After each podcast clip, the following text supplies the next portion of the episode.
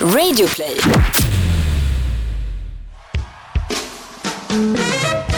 Ladies and gentlemen, welcome to the greatest podcast in the world. And here they are live from Bauer Media House. Here is Victor and the Pharaoh Podcast! Välkommen till Victor och Faros podcast. Avsnitt 108. Melodifestivalen edition! Jag skojar på gud om man såg ditt ansikte nu. Made of stone. Aldrig förut har en homosexuell man varit så ointresserad av utfallet av Melodifestivalen. Och det är också allt vi kommer säga om Melodifestivalen i det här avsnittet. Jag kommer inte säga någonting. Nej, du kommer säga något, men jag sa det jag sa och sen har jag sagt nog. Sen har du sagt nog. Ja. Jag tänkte fråga, hur, Ja, vad, har, vad har du haft för dig den senaste tiden? Hur mår du?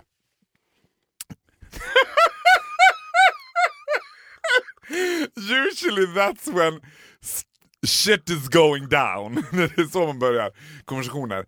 Du vet man att man inte har träffats på länge och man bara ja, annars då? Är det bra med dig? Gjort något kul på senaste tiden?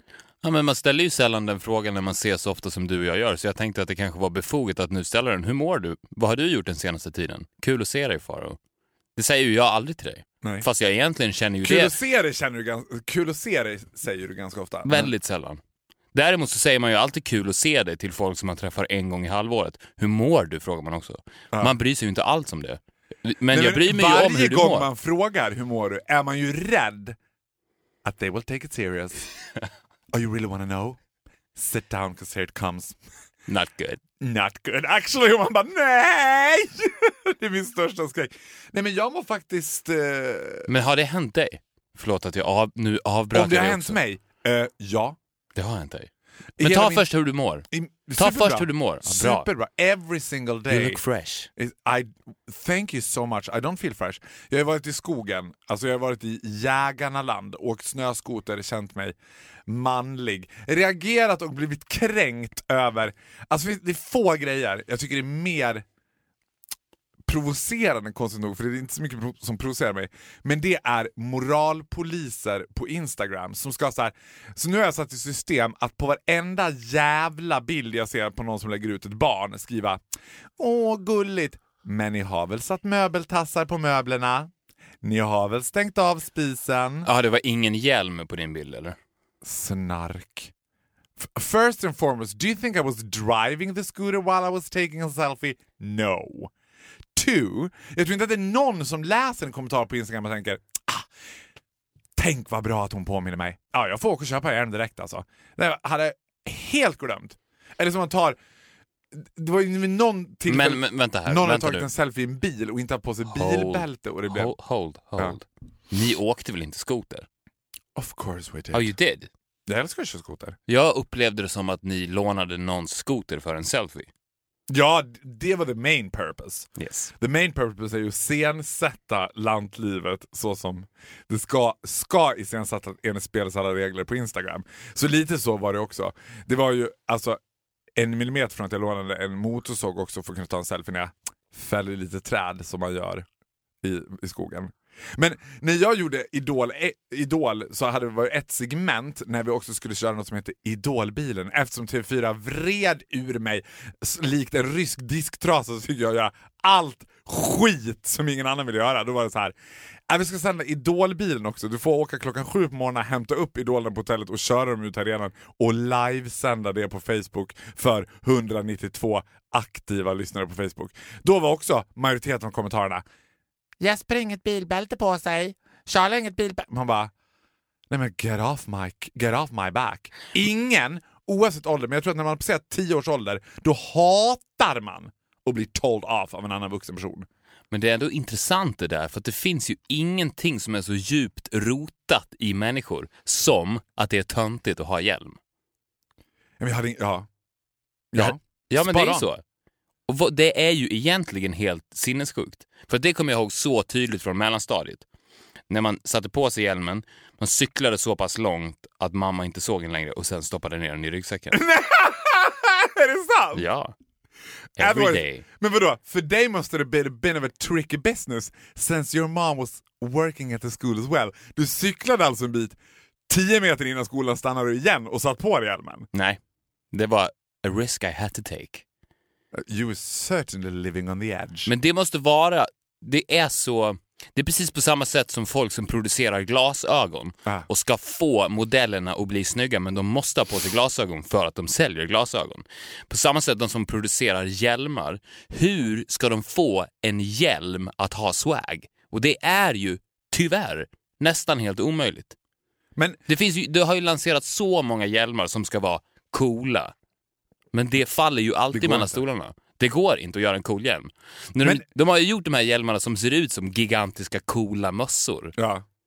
It Did not work. Ja, men grejen är så här. Allting som ska moderniseras genom att gömmas är ju bara ett skämt. Alltså, antingen får man göra en hjälm och så är en jävligt cool hjälm. Men gör inte en jävligt cool hjälm som inte ska se ut som en hjälm. För då, alltså, du vet, då är det som att du indirekt också har sagt I'm ashamed of it, so I'm wearing it looking like a trucker caps. I'm so fucking cool. På tal om glasögon, det enda gången glasögon blir fyller en annan funktion än att bara vara glasögon. Det tycker jag är när en tjej sätter på sig a certain kind of glasögon och plötsligt ser ut som en porrstjärna. Ja, Varför är glasögon plötsligt porrigt när det absolut aldrig är porrigt annars? ja, men det är när man har dem långt ner på näsan ju. Om du bara... I do love you to pieces. Men när du ser en tjej med glasögonen långt ner på näsan, tänker du direkt så? Debbie does Dallas. Nej, men jag tror inte att det har så mycket med glasögonen att göra faktiskt. Det funkar ju på män också. Men det är ju när du tittar på någon med glasögonen nere på näsan. Och tittar upp så måste någon. du ju titta lite strax uppåt med kattögon på den personen. Och den blicken upplevs ju som porrig, men då lägger man den porrigheten i glasögonens händer. Men det, du pos positionerar aldrig dina ögon på det sättet om du inte har glasögon på näsan. Jag skaffade glasögon for one purpose and one purpose only. Att kunna titta upp ur dem med kattögon på folk så jag skulle se porrig ut. Ja, Men, du, förstår du vilket fenomen jag menar? ja exakt, jag förstår exakt det fenomenet, men du förstår också vad jag menar med den Ja. här att, att snett titta uppåt som en sekreterare. Ja, vad har vi här då? Men hur långt är vi från att cykelhjälmen plötsligt ska bli ett pornografiskt attribut? Att så här, Den är omöjlig, hjälmen. den är omöjlig. Nej, men jag känner ju vuxna människor som åker slalom utan hjälm. För Ja, det- att det är töntigt. Ja, men nej, men vet du vad? Nu kommer jag opponera mig mot dig. Jag tycker att hjälmen är ett fenomen enbart när det kommer till cykling. Jag tycker alla andra, rida utan hjälm skulle vara lite konstigt. Va? Ja. Tänk dig ett gäng cowboys som kommer med hjälmar. Would that be swag? Okej. Well, I'm willing to admit you're right on this one as well. Men slalom Tänk dig känns... Brokeback Mountain om de två hade haft hjälmar på resan. Hade, Wait Jack! Forgot your helmet. hade homoerotiken varit lika elektrisk om de hade haft hjälmar? Nej. Jo, om det är en byggnadshjälm. Det går ju i viss... Oknäppt. Ja, oknäppt. Då ska det vara... Och den ska... Fast varför hade de haft byggnadshjälmar? De- De hade ju inte haft byggnadshjälmar. Det har man ju inte på häst. Nej, men alltså... De hade ju haft klassiska ridhjälmar. Ja, det hade ju inte funkat. Det hade varit katastrof. Det hade varit katastrofalt. Safety first. Ja, men då undrar jag, men då tänker jag så här. sitter de där moralpaniksmänniskorna och tittar på till exempel Brokeback Mountain och tänkte, ja alltså filmen var ju bra, men de hade ingen hjälm. Nej men det var ju flera, det var ett flertal tillfällen, sekvenser där de red. Också relativt fort. Utan hjälm. Jag har skrivit, till- jag har skrivit till regissören. Det här känns inte trovärdigt. Det här känns inte okej. Nu ska jag svara på din fråga. Har det hänt mig? Ja, several times. It is usually part of my grooming. Eftersom heterosexuella, läs också då lite, lite yngre killar, inte är så vana om att få prata om sina känslor på riktigt, så har ju det varit som en grej. Come sit down, tell me how are you? And every single fucking time they start I'm like, why do I do this? God, why do I do this? It's so boring. It is so boring. Men det värsta är ju alltså den här lätt neurotiska kvinnan som inte vill något hellre än att få prata om hur, hur hon mår. Och man känner att man är henne på spåren när man har misstag och säga Hur mår du? Och hon ger den här blicken Thought you never gonna ask. Och man bara nej, nej, nej, nej, nej, eller men förlåt, nej! Ja, det har hänt mig. Men jag... You get Det, away with it because of your evil resting face again. ja, men I get away with it. Men det, de få gångerna det har hänt, Mm. då har ju jag direkt försökt, för det, det är ju mitt försvar då, att vinkla det till någonting positivt. Ja. Och få dem då att känna att men det där, är Ditt inte så försvar. illa. The happy-go-lucky perky pig, det är mitt försvar. Nej men det där är inte så illa. Om de säger att ah, det är inte så bra just nu, jag har precis, jag har precis eh, blivit av med mitt jobb. Det är ingenting negativt att du blivit av med ditt jobb. Det, var, det, det här kan vara det bästa som har hänt dig någonsin. Gräset är alltid grönare där du är. Så är det nu. Ja. För tidigare har du tänkt att gräset är grönare på andra sidan. Det har jag kommit fram till att jag tror nästan alla människor lever konstant, medvetet eller omedvetet med ett mantra i huvudet om att gräset är grönare på andra sidan. Vad jobbigt om man hade det som ett medvetet mantra. Bara, vad, Ja, har men- du något livsmotto? Gräset är alltid grönare på andra sidan. Men, ja, men det, I am the most unfaithful person on earth. pessimister har ju det. Det ringer ju konstant i ett mantra. Det, det kanske inte, jo men det är lite medvetet också. För att de ältar ju sin pessimism, så att de känner ju konstant ja, ah, de andra har det så bra, där borta är det bra och jag kommer aldrig ta mig dit och om jag väl tar mig dit så kommer jag titta tillbaks till där jag stod och säga att precis samma sak. Ja. Det är där jag ska vara. Men det är väldigt lätt att eh, tricka det.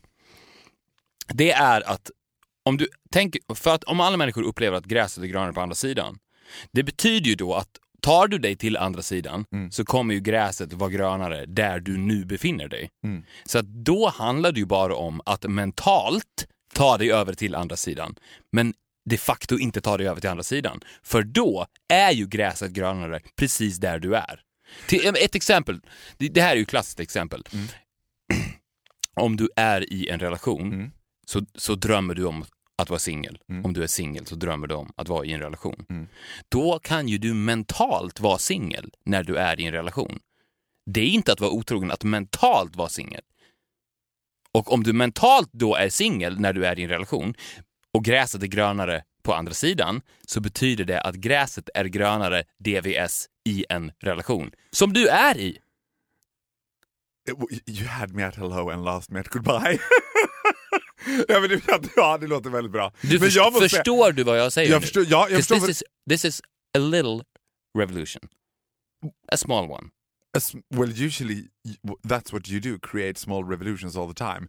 Men vad heter det, med risk för att verka väldigt ostig, så måste jag säga att sekunden som jag träffade Dolphy, och nu more than ever, så är det som att varenda jävla gräsmatta har vissnat.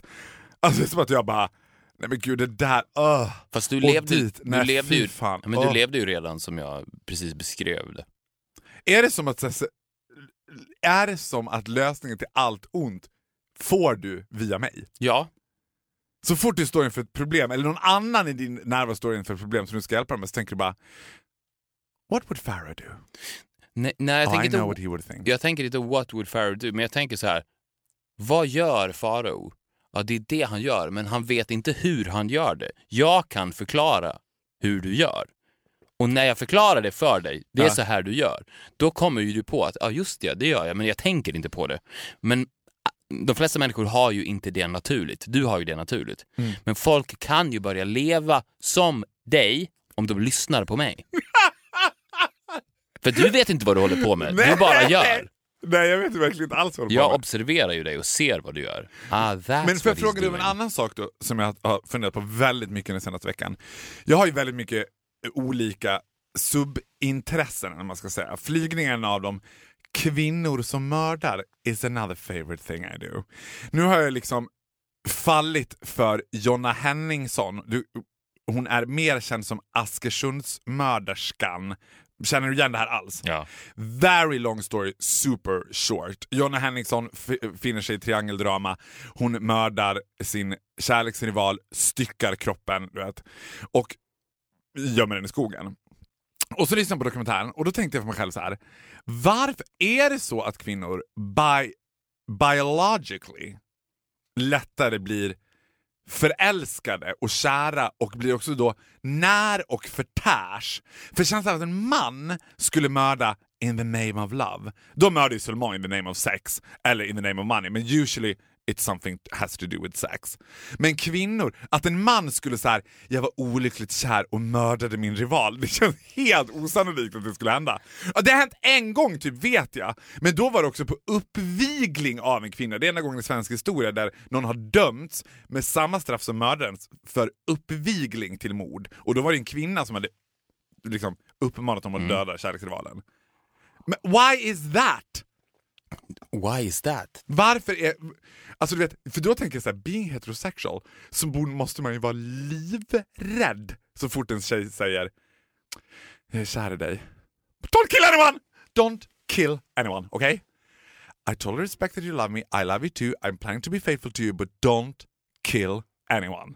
Ja, men jag För jag tänker att så fort en tjej säger att hon är kär, she's up to some- something.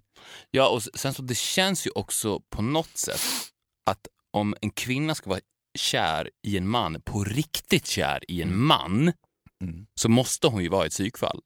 Ja.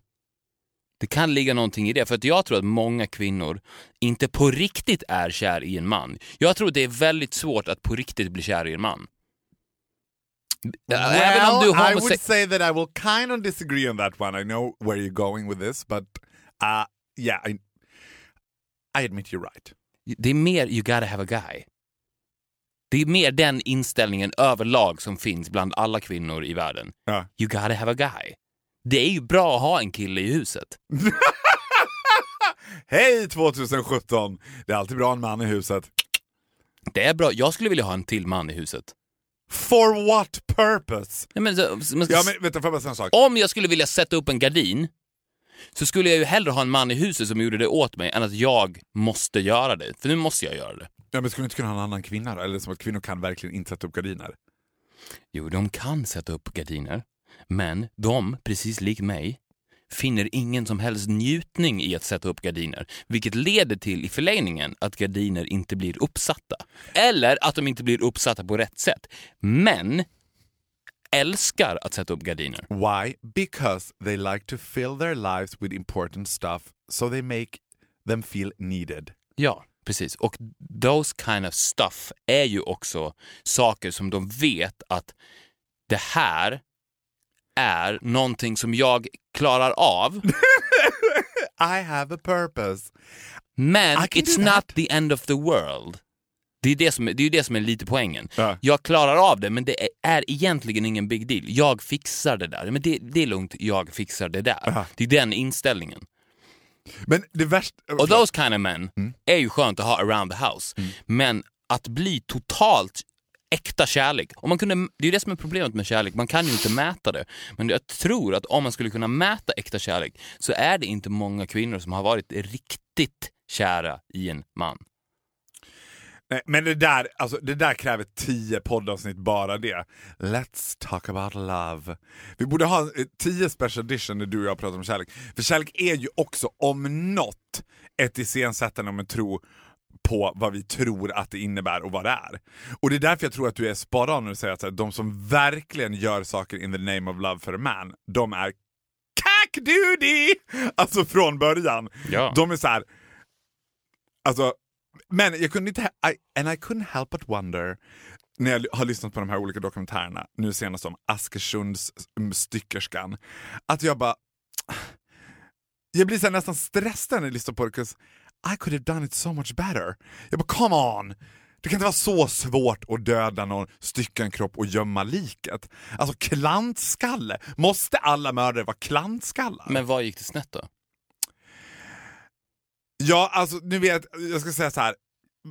Det tvistas ju fortfarande om huruvida det här var överlagt. Alltså det var ju överlagt hon hade ju också, så här, ett, om du ska googla mörda, googlar man till exempel mörda sin ex-pojkväns flickvän. Då kan man gå in på radera internethistorik till exempel. Det skulle man kunna ha gjort.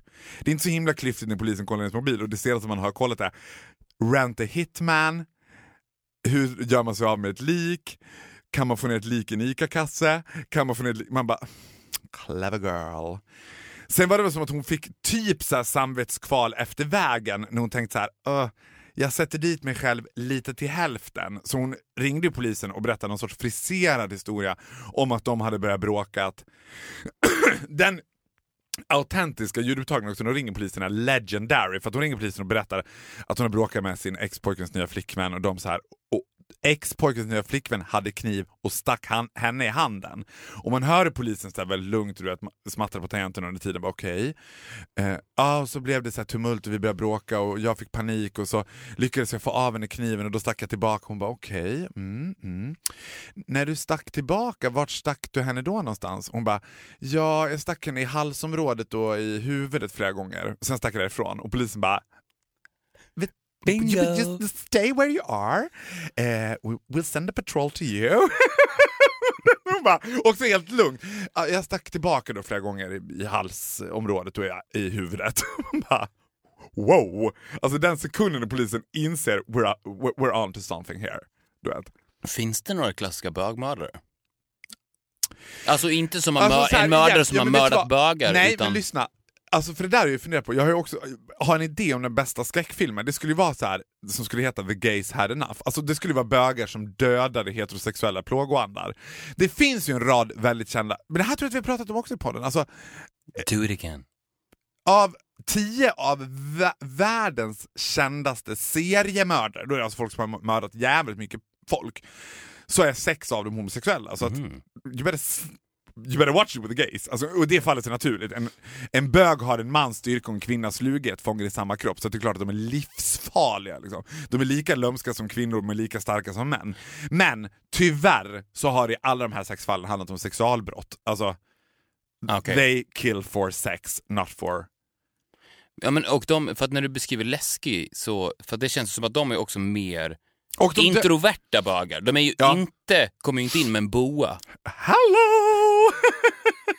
bam, bam, I got a loaded gun for ya! Nej, tyvärr inte. Plus att de dödar också varann. Mm. Det är det som är lite trist. Alltså det, det är ju bögar som dödar andra bögar. Alltså, och det är Var det klubbar de ner varandra? Det känner inte jag till. Med hela... Rainbow bright visar sig, men du bara... Are you telling me on a usual Monday morning that we have evil gay guys in the world? How very dare you destroy my fantasy? Jag bögar är inte särskilt snälla mot varandra. Och i regel är det exakt alltid samma upplägg. De träffas på en sexapp på internet, har sex med varandra och sen dödar de varandra. De har ihjäl varandra? Ja, de har ihjäl varandra? Nej, inte varandra, men alltså den ena har ihjäl den andra. Lite som Svarta Änkan typ. Vi har bra sex and then I will kill you afterwards. Okej. Okay. Men det jag också tänkt på så här, för att det har nu cirkulerat i veckan, för att fråga mig hur det var med en artikel som typ varenda bög värd namnet jag känner har delat, som heter Together Alone. Och då tänkte jag att det finns ju ingen jag känner i min närhet som är större förespråkare av den regnbågsfärgade flaggan än Viktor Norén. Ponera att du hade varit homosexuell. Vad tror du att du hade haft svårast med, förutom take away everything that has to do with intimacy with another guy? Vad som jag hade haft svårast för? Ja, att acklimatisera dig till gayvärlden. Och ta bort allting som har med intimitet med andra män att göra. Ja, men grejen är att jag, det är ju min mardröm att jag själv skulle bli det.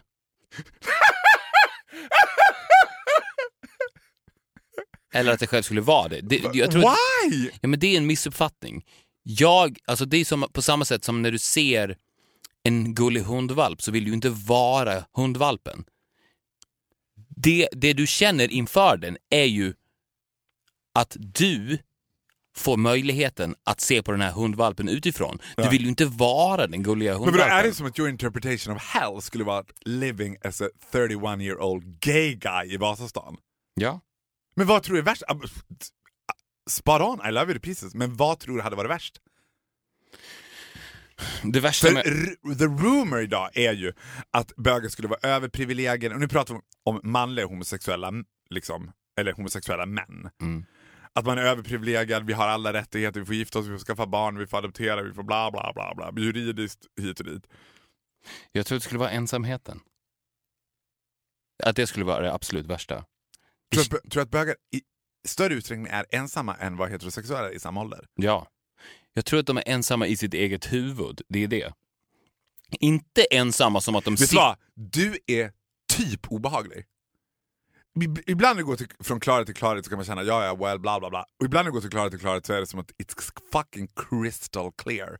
Det du säger nu, alltså det, jag tror inte att det finns en annan heterosexuell man on earth som skulle ha den insikten. Thank you. You're welcome. There's a reason I love you. More than one reason to be frankly honest with you. Continue. Continue. Nej, men jag tror inte att de är ensamma, att de sitter i ensamma ettor och inte kan ta sig ut på stan för att nej, de känner att de inte passar in och nej, dit kan jag inte gå. Åh gud vad hemskt. Man bara, nej, jag passar, Konsum, nej jag passar inte in, jag passar inte in där. Men eh, när de är själva, som alla människor är själva hela tiden. Mm. Alltså ensamhet är inte heller att du är själv utan några andra människor around you. Du är ju alltid ensam med dig själv. Mm. För att även när du och jag sitter här tillsammans så är ju jag ensam i mig. Jag är ju alltid ensam i mig. Du vet inte vad som händer här inne. Nej. Det är jag. And neither do you. Well, Okej, du, you're a bad example. Okej, du vet vad som pågår inuti mig.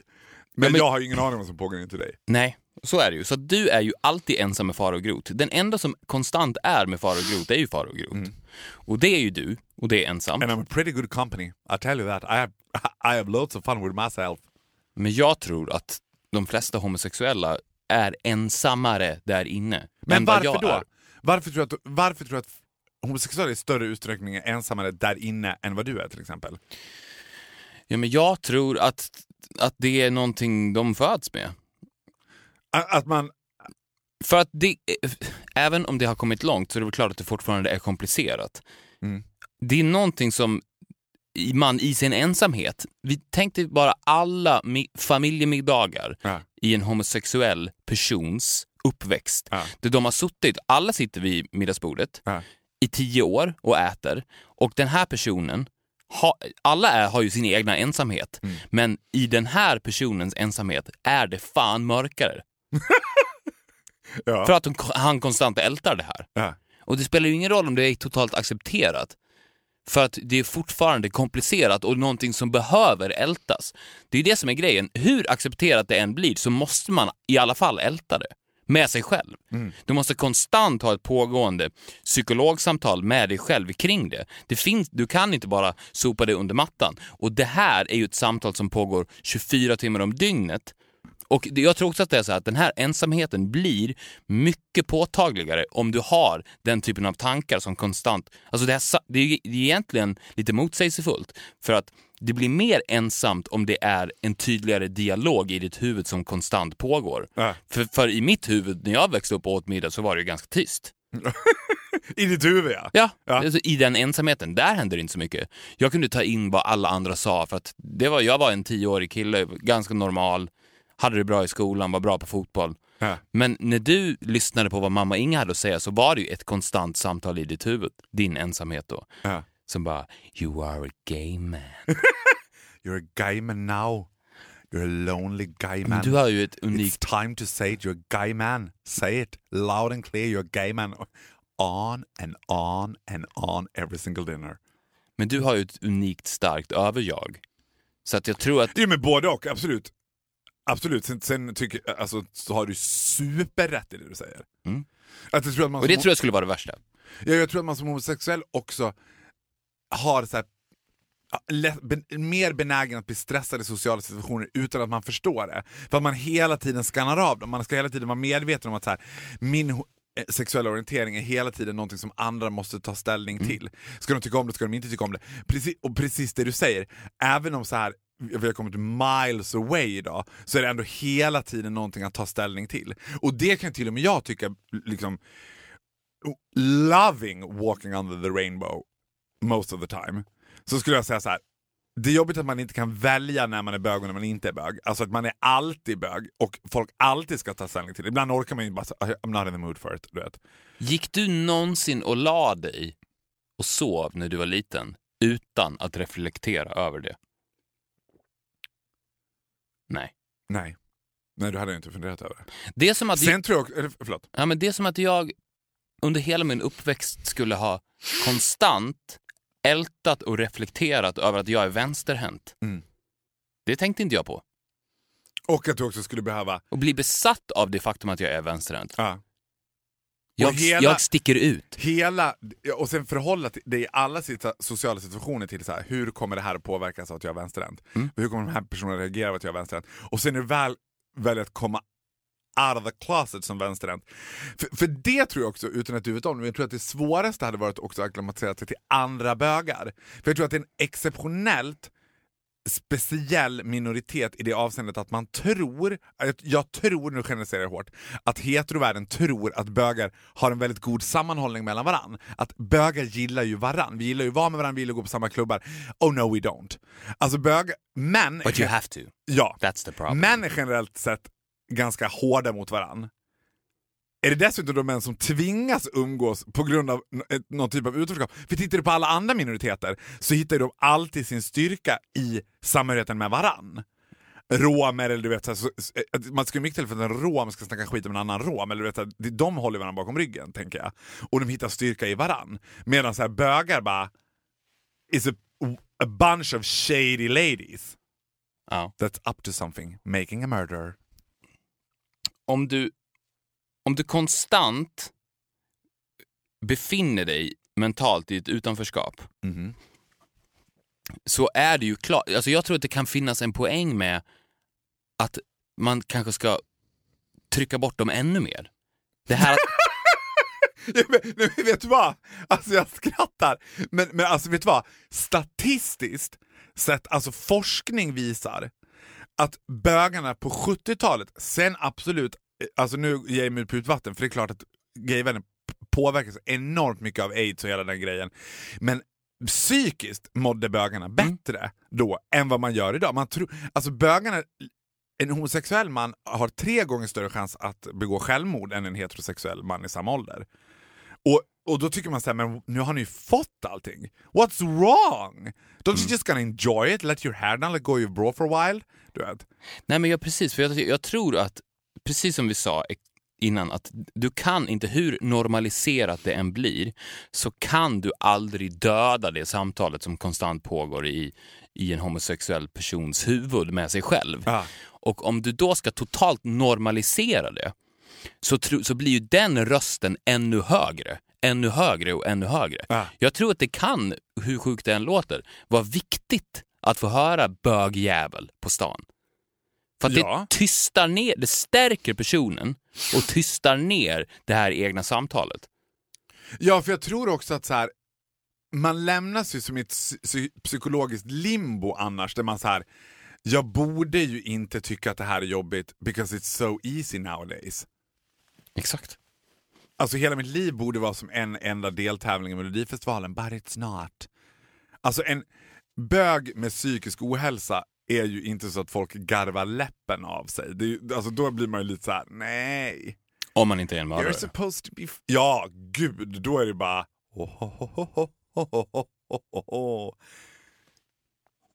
Tyvärr tänker jag att jag hade blivit en väldigt bra mördare också. One of the worst. One of the worst in what way?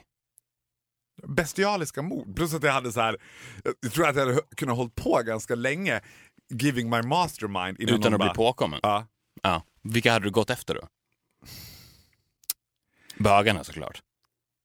Om Ja, du hade varit, tänk om du hade dödat alla andra bögar i hela Stockholm, Ja. utom du och Dolphy. Det hade ju du älskat.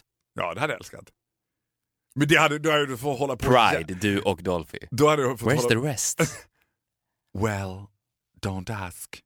Plötsligt vänds ögonen mot mig. Men vet du vad, för ett retoriskt eh, vad heter det, avsluta där vi började. Hur är det med dig? Jo, det bra. Jag, Ja. nej, men jag, har, eh, jag har experimenterat ännu mer med sömn. Nej, men alltså, kan du inte bara... Get off your own back. Leave yourself alone for some time. Nej, men det, det, du experimentera ännu mer med sömn? Vad har du gjort nu då? Vad går det ens att göra någonting mer med sömn än vad du... Jag menar, du har ju... Alltså, ja, det går. You took it to extreme. För att jag tänkte så här, all, jag, alla vet ju att, alla vet kanske inte det, många vet ju Mm. att min teori är att jag ska gå upp extremt tidigt. Fem. Mm. För på det sättet ligga fem timmar före hela samhället. Vet du vem som gör exakt det som du gör och säger att hon har byggt hela sin karriär på det? Nej. Dolly Parton. Hon gick upp 4.30 i och för sig. Mm. 4.30, hon går upp 4.30 every single morning. Och hon säger att Clever nio av tio av hennes låtar har hon skrivit innan klockan sju på morgonen. Men nu har jag testat att kombinera det med att vara uppe sent. Eh, Det låter som, spontant låter det lite som en non-win situation. It's pretty hard. Men jag försöker Jag, behand, hur- jag behandlar ju min kropp som en slav. Ja. Och nu har Pain vi... is a certain kind of pleasure. Ja. Och jag tänker så här, men jag piskar min kropp Mm. till att tro att om man sover i tre timmar så är det en lång natts sömn. Alltså jag, vill, jag vill liksom ta kontroll över fys- fysiken. Men tror du att det är möjligt? Tror, tror du att Jag vet kan? inte, jag, jag testar ju. Ja, men har Jag du- känner ju mig så, lite såsig. Så where, where we are now, okej du känner dig lite såsig. Men eh, känner du dig produktiv på kvällarna när du är uppe sent? För Ja. det är produktiviteten du vill åt. Nej, det är leva jag vill åt. Vadå, är det så att du tycker att varje gång du sover är a waste of time? Ja, det är ju det. A waste of life. Ja, men vadå, det är väl inte som att du gör så mycket på kvällarna och morgnarna? Mer än med I love life. Det är det. Ja, men så, så where you are right now, föredrar du de tidiga morgnarna eller de sena kvällarna? Det måste ju vara så att du föredrar de sena kvällarna bättre, because it's new to you. Mm, not really. Jag gillar ju ljus. Och nu börjar det bli ljus på morgonen. Så att jag gillar ju i så fall de tidiga morgnarna bättre. Men skulle du det- inte kunna göra någon sorts björnversion då? Att du liksom under vinterhalvåret sover som fan? Det hade ju varit drömmen. Ja men vadå? Be your own master. Ja, i och för Men sig. Jag skulle kunna bli som en björn. Du skulle ju på lätt kunna... Bara, nu känner man hur en ding-ding-värld redan sitter på sin redaktion och bara åh, he's up to something. Mannen som lever som en björn i Vasastan. Ja varför inte? Du skulle ju kunna gå i ide också under hela november. Ja, men det är svårt. Alltså, svår, alltså, det är svårt att ta total kontroll. Jag, för grejen är att du måste ju då, för man måste ju parallellt med det här börja också laborera med kost och träning. Ja. Jag menar alltså på Och det, allvar. det är ju det Nej, jag gör också. men, men, vänta får jag bara säga. Om du på allvar, nu sades det här... För att om jag blir ett fysiskt monster, och då pratar jag inte om att jag ska bli Arnold Schwarzenegger, Nej. Men att jag kör den här bilen som är min kropp så på perfekt sätt, Ja. så kan ju jag klara längre perioder vaken. Ja. För det finns ingenting som sliter så mycket på din kropp som att hålla den vaken. Att hålla motorn igång. Men Det är det jag håller på att experimentera med nu. Men det som har hänt, vad, som, vad jag har märkt, är att jag går upp fem, sen så är jag vaken hela dagen, sen så blir jag sjukt trött vid åtta på kvällen. Men då, the willpower kicks in. Och så tar jag över och säger då, vi ska inte sova. Vi ska vara vakna här. Och då tar det ungefär två timmar, sen blir jag pigg igen. Och sen så är jag pigg till ett. Och sen somnar jag. Och sen så sover jag mellan ett och fem. Och det systemet känner jag, jag är inte riktigt där än. hur länge har du gjort det? Ja, men jag har gjort det kanske i en vecka. Give it another two weeks. Ja, men för att jag måste eh, göra små justeringar i min kost och träning. Men jag känner att jag kan vara på väg mot en ny nivå av supermanness. Men nu sades det här ju en stund av, liksom, alltså, lite på skämt, men jag tycker inte alls att det är en dum idé att försöka leva på riktigt som en björn. Att studera björnar ordentligt här. För vad de gör under sin vakna tid är att samla på sig massa föda och kraft, alltså, och fett. Tyvärr måste du bli tjock, det är det som är problemet. You gotta be a little bit fat during the summertime. Och det är ju inte... doesn't really become your personality att vara en liksom It's not my style. It's not really your style. För det är det du må- du måste ju bygga späck så du kan klara dig på sen under vintern du ligger och, och, i dvala och föder av ditt eget späck. För det är det Fast, fast så funkar ju tyvärr inte människans kropp. Nej men jag menar att du skulle kunna transformera din kropp inte att börja funka så. Men jag vill ju inte Att bli du en, plågar den in till att, ja du vill inte bli en björn. nej, jag vill inte bli en björn. Nej då är det, då är, it's a bit challenging. Och det, det hade ju varit helt otroligt om människans kropp fungerade så. Aha, Att man, för det har jag också tänkt så här, och det tror jag i och för sig funkar att man bara äter var tredje dag. aha.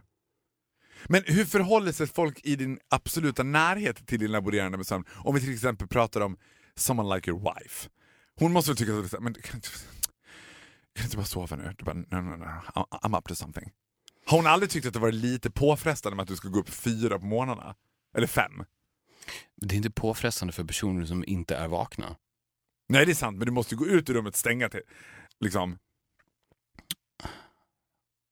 Ja. Måste- Ja. Men det är inte påfrestande för någon. Fast alltså, jag är ju en oerhört liten, alltså mikroskopisk version av den där. För att, snarare så här för mig.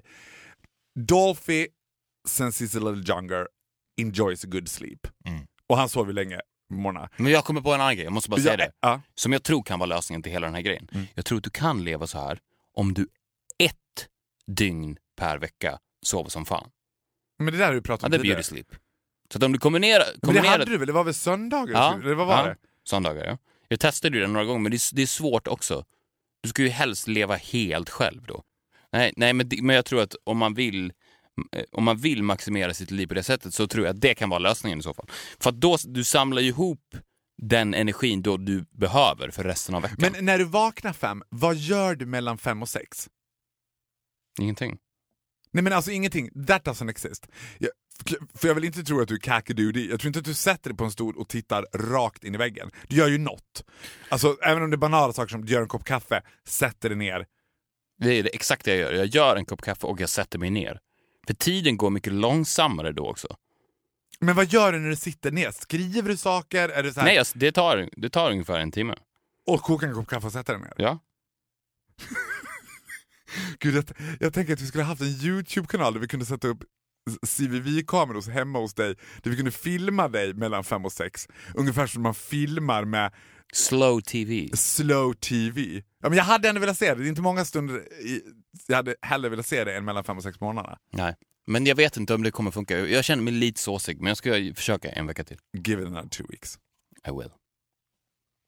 We're done. Du kan inte säga så som att det är någonting vi är glada över. Do you know what? No we're not, because we're never done. Vi kommer fortsätta igen nästa vecka. Ja, det är klart. Ja. Så ses vi! Men ska vi inte säga något mer? Nej, men du sa att vi var done. Jag gör bara, I do whatever you tell me to do and I'll do it. Do you want me to kill someone? Yes. Ses nästa vecka. Nej, det gör vi. Lock your door. Vi ses nästa vecka. Hejdå.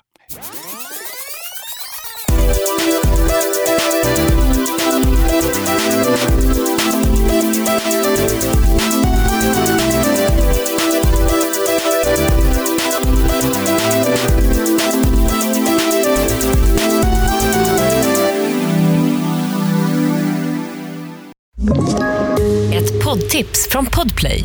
I fallen jag aldrig glömmer djupdyker Hasse Aro i arbetet bakom några av Sveriges mest uppseendeväckande brottsutredningar. Går vi in med hemlig telefonavlyssning och, och då upplever vi att vi får en total förändring av hans beteende. Vad är det som händer nu? Vem är det som läcker?